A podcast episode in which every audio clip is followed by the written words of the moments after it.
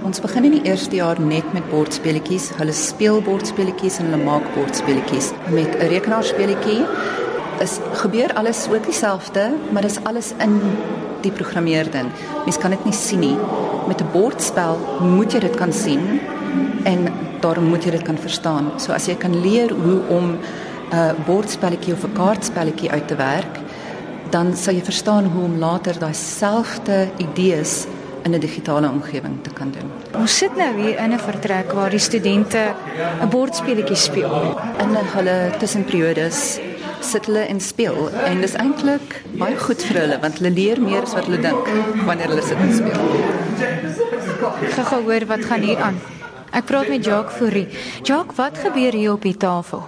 Soos wat die game aangaan met jy probeer hierdie estates koop wat punte opbou en die persoon met die meeste punte aan die einde van die game wen. Wie wen op die oomblik? Uh, Cry Jam. oh my. Ons was nou daar by die bordspeletjies en gesien is baie lekker. Maar volgende stap is om na die speletjie laboratorium toe te kom en dis nou waar ons staan. Wat gebeur hier? Dit is ons tweede jaar lab. Hierso word hulle vir die eerste keer voorgestel aan programmering.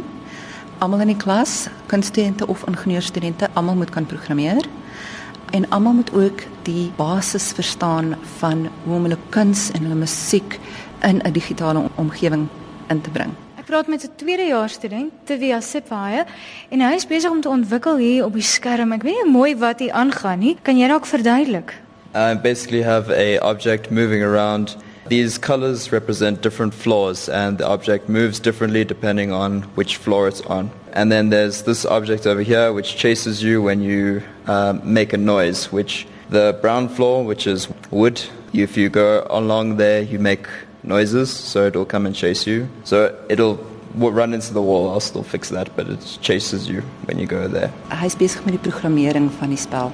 So dis waar al die logika van hoe die spel gaan werk, uh presies wat sal gebeur as elke objek op enige plek aankom, al die artificial intelligence, alles word nou daarin geprogrammeer.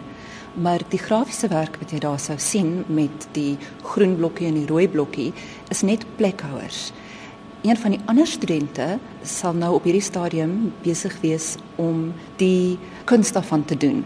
Sy sou nou 'n karakter gemaak het vir die groen blokkie en 'n karakter gemaak het vir die rooi blokkie en 'n agtergrond gemaak het sodat wanneer alles aan die einde saamgesit is, sal dit lyk soos iemand wat rondkruip in 'n huis.